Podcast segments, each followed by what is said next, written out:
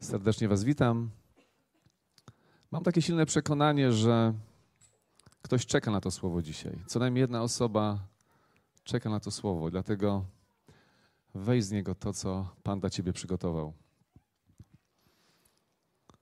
Moi drodzy, chciałbym Was dzisiaj zaprosić do miejsca, które może w jakimś stopniu przypominać przestrzeń Twojego i mojego życia. Zajrzyjmy do Słowa Bożego i cofnijmy się nieco w czasie. A kto wie, może w tej podróży, jaką Bóg nam dzisiaj przygotował, znajdziemy jakąś zbawienną myśl. Myśl, która pomoże nam pójść dalej. Widzicie, gdy cofamy się w czasie sami, zwłaszcza do tych trudnych miejsc i sytuacji z naszego życia, przeważnie nie przynosi to dobrych skutków. Wpadamy w sentymentalizm, przypomina nam się ból, pojawiają się niezbyt dobre emocje, ale gdy cofamy się w przeszłość z Jezusem, przybiera to zupełnie inny wymiar. Bo tylko Jezus może uleczyć to, co kiedyś coś, ktoś nam zrobił. Amen. Ale dzisiaj konkretnie o tym nie chcę mówić. Dzisiaj chciałem, żebyśmy sięgnęli do pewnego wydarzenia, które miało miejsce dawno temu, za czasów, gdy Jezus chodził po ziemi. I wierzę, że Bóg przez to słowo chce coś Ci pokazać. Ewangelia Jana, piąty rozdział, wersety od 1 do 14. Wsłuchajmy się w to słowo i weźmy przesłanie Boże. Potem nastąpiło święto żydowskie i Jezus udał się do Jerozolimy. W Jerozolimie zaś znajduje się sadzawka owcza, nazwana po hebrajsku Betesda, zaopatrzona w pięć krużganków. Wśród nich leżało mnóstwo chorych, niewidomych, chromych, sparaliżowanych, którzy czekali na poruszenie się wody. Anioł bowiem przepraszam. Anioł bowiem stępował w stosownym czasie i poruszał wodę. A kto pierwszy wchodził po poruszeniu się wody, doznawał uzdrowienia, niezależnie od tego, na jaką cierpiał chorobę. Znajdował się tam pewien człowiek, który już od lat 38 cierpiał na swoją chorobę. Gdy Jezus ujrzał go leżącego i poznał, że czeka już długi czas, rzekł do niego – czy chcesz stać się zdrowym? Odpowiedział mu chory: Panie, nie mam człowieka, aby mnie wprowadził do sadzawki, gdy nastąpi poruszenie wody. Gdy ja sam już dochodzę, inny wchodzi przede mną. Rzekł do niego Jezus: Wstań, weź swoje łoże i chodź. Natychmiast wyzdrowiał ów człowiek wziął swoje łoże i chodził. Jednakże tego dnia był szabat. Rzekli więc Żydzi do uzdrowionego: Dziś jest szabat, nie wolno ci nieść twojego łoża. On im odpowiedział: Ten, który mnie uzdrowił, rzekł do mnie: Weź swoje łoże i chodź. Pytali go więc: Cóż to za człowiek ci powiedział: Weź i chodź?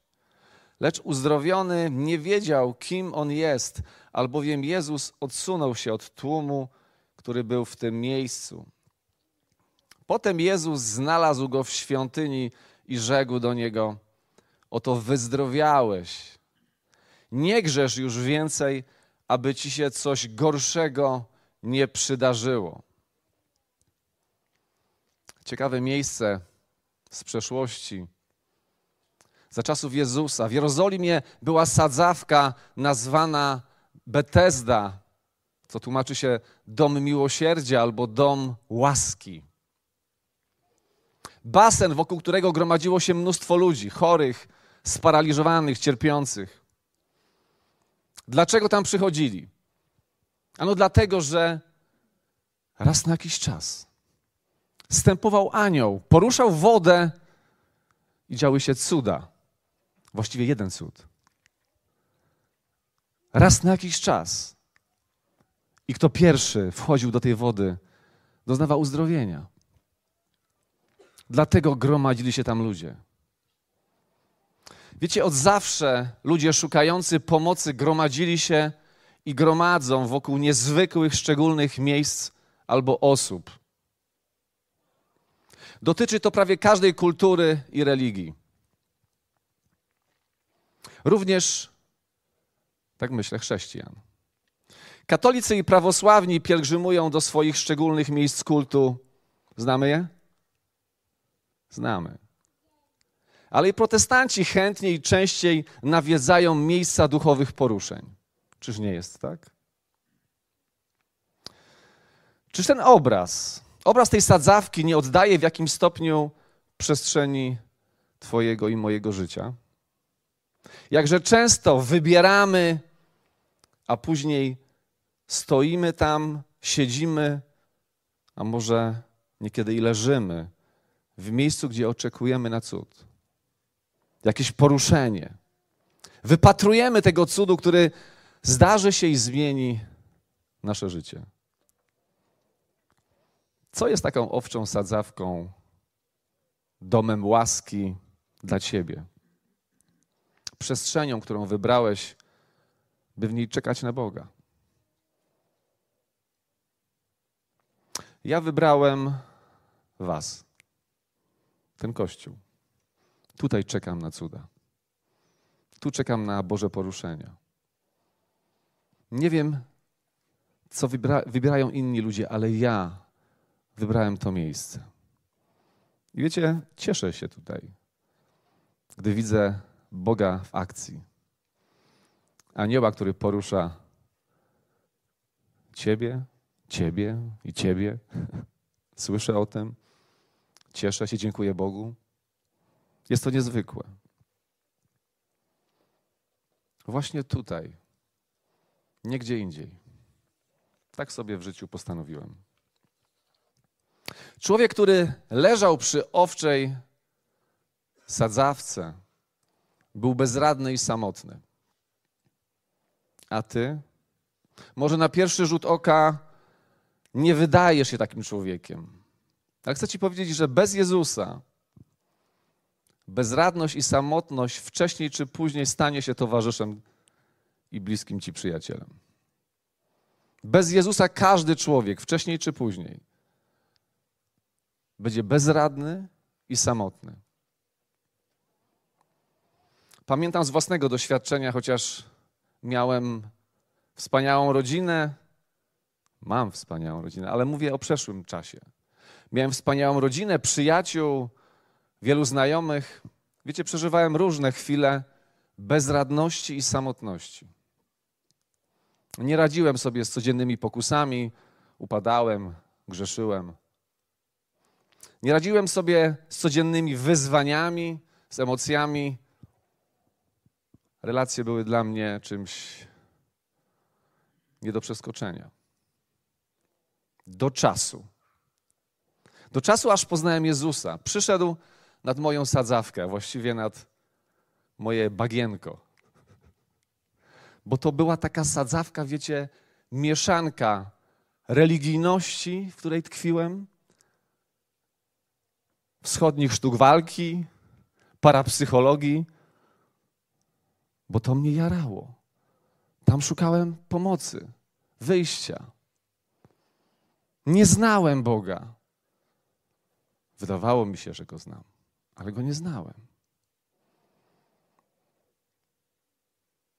I wiecie, w tym moim grajdołku, w tej mojej sadzawce, bagienku, stało się coś niezwykłego.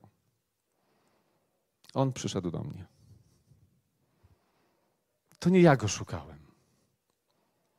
Nawet gdy wydaje ci się, że go szukasz, to tak naprawdę on szuka ciebie. On idzie do ciebie. Nie musiałem nic wielkiego zrobić, tylko wejść z nim w interakcję, odpowiedzieć na jego propozycję. To było takie proste, takie niezwykłe i stało się. W Psalmie 116, szóstym wersecie, psalmista mówi: Pan strzeże ludzi pełnych prostoty. Byłem bezsilny, a on mnie wybawił. Tak, obraz bezsilności to był obraz mojego życia. Tak, obraz samotności to był obraz mojego życia, mimo że wokół byli ludzie. Wciąż na nowo doświadczam tej niezwykłej prawdy. Jestem bezradny, a On mnie wybawia. Gdy wydaje mi się, że już sobie z czymś radzę, życie bardzo szybko mnie weryfikuje. I staję przed kolejnym murem, również jako chrześcijanin. Ale wróćmy do naszej biblijnej historii.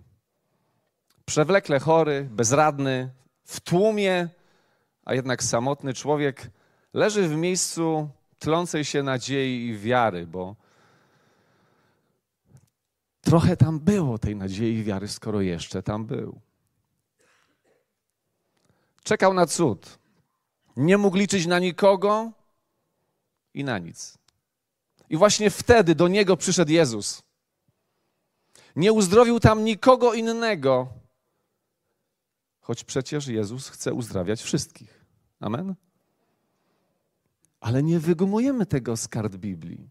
Jezus przyszedł nad sadzawkę łaski, minął wszystkich chorych i podszedł tylko do jednego. Wiecie, nie rozumie tego. Nie, nie rozumie, dlaczego Jezus tam wszystkich innych jakby pozostawił, nie zauważył. Przecież pisze, że zawołał do siebie swoich najbliższych uczniów. Udzielił im władzy nad duchami nieczystymi, aby je wyrzucali i dał im władzę leczenia wszystkich chorób i wszelkich słabości. Sam też wielokrotnie, jak to Biblia mówi, uzdrawiał wszystkich, których do niego przyprowadzono. A tutaj w tej sytuacji idzie tylko do jednego. Wiecie, nie rozumiem tego do końca, ale wyciągam z tego ważną lekcję dla siebie. Czekam na mojego Pana.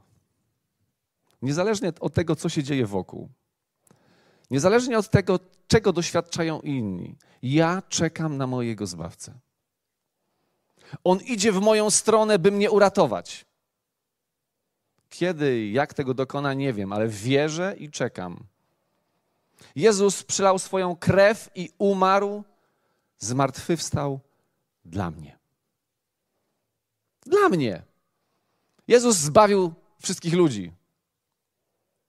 Ale ja dzisiaj chcę, żeby się skupił, że On umarł za Ciebie, że idzie uzdrowić Ciebie, idzie rozwiązać Twoje problemy. Nie patrz globalnie, nie patrz szeroko dzisiaj. Zacznij od tego, że Jezus namierzył Ciebie. Amen? I Ciebie chce uzdrowić, i Twoje problemy chce rozwiązać. Od tego się wszystko zaczyna. My rozmywamy Ewangelię, bo nie zaczynamy jej od siebie. Patrzymy zbyt globalnie, zbyt szeroko. Niezależnie gdzie jesteś, co przeżywasz, z czym sobie nie radzisz, Jezus idzie w Twoją stronę. Jego wzrok jest skupiony na Tobie. I chcę Ci powiedzieć, że On nie nadchodzi z pustymi rękami. Czeka, aż go dostrzeżesz i odpowiesz na jego słowa. Powiedz mu cokolwiek, tak jak zrobił to ten człowiek. On powiedział: Panie, nie ma kogoś, kto by mnie wprowadził do wody. I to wystarczyło. Czy to było głębokie? Czy to było właściwe na ten czas? Powiedz Bogu cokolwiek. Czy ty jeszcze mówisz do Niego cokolwiek? Każda Twoja odpowiedź zrodzi kolejną odpowiedź Boga. Tak rodzi się życiodajny dialog.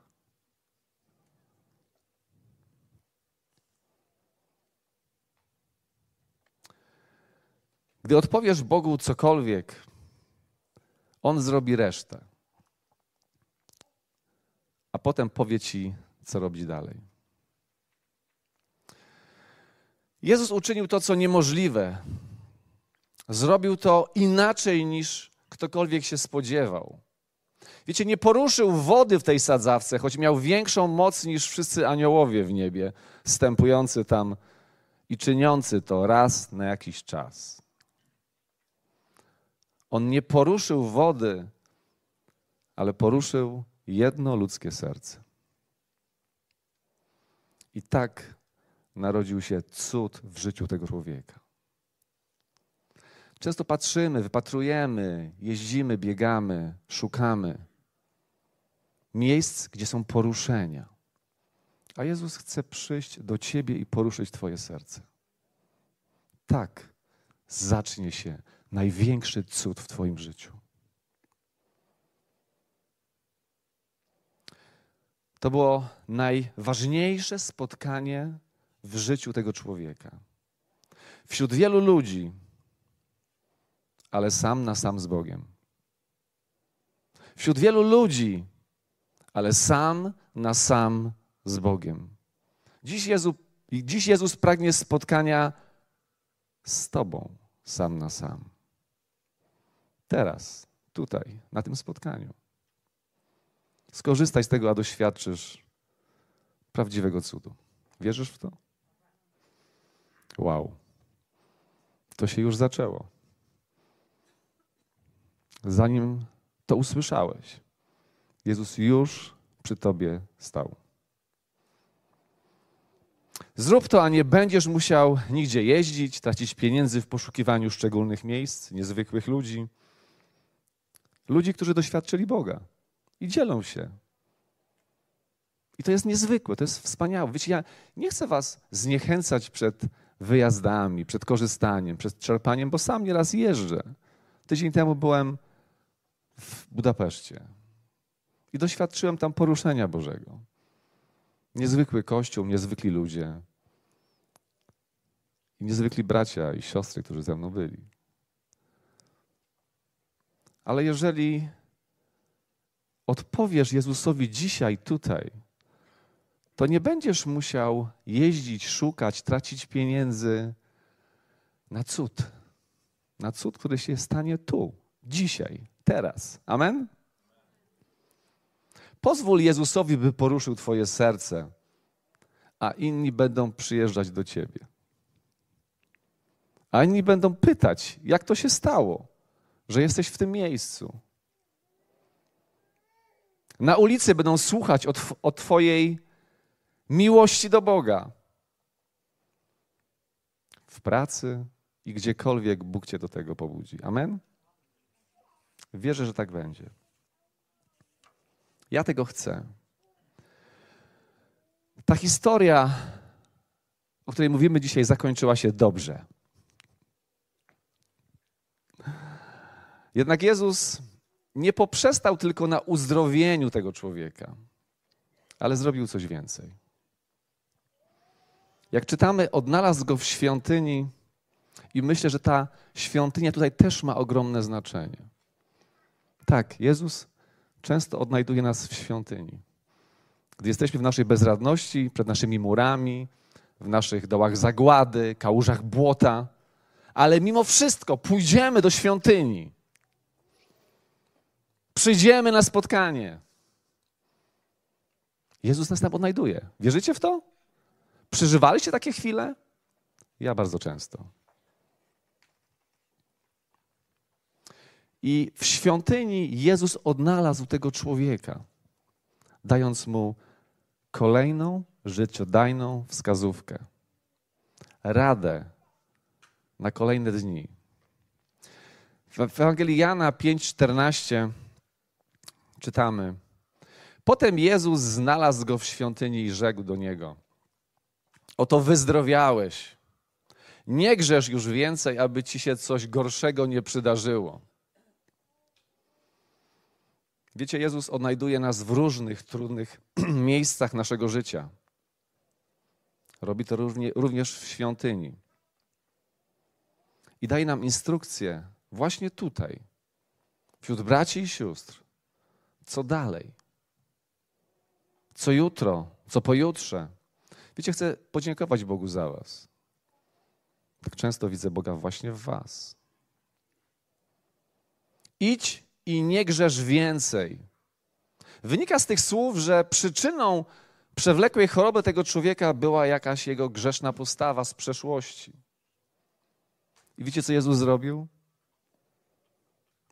Wrócił te 38 lat do tyłu, gdy coś się wydarzyło. On w jakiś sposób otworzył furtkę diabłu, że przyszedł i dał mu tą chorobę, bo przecież choroba nie pochodzi od Boga. I Jezus, gdy przyszedł do tego człowieka, wziął go za rękę, tak obrazowo to pokażę, i wrócił 38 lat do tyłu. To, co powiedziałem na początku, gdy wracamy w przeszłość z Jezusem, On tą przeszłość uzdrawia. On wyrwał korzeń tego problemu.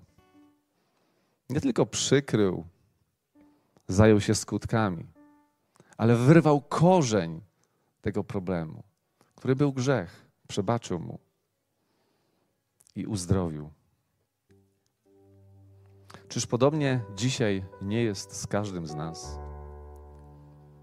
Chciałbym Was zachęcić do tego, abyśmy poprosili Jezusa, by wziął nas za rękę i cofnął do tych miejsc, zabrał nas do tych miejsc, z którymi sobie kiedyś nie poradziliśmy. Co Wy na to? Zrób to sam. Sam na sam z Bogiem.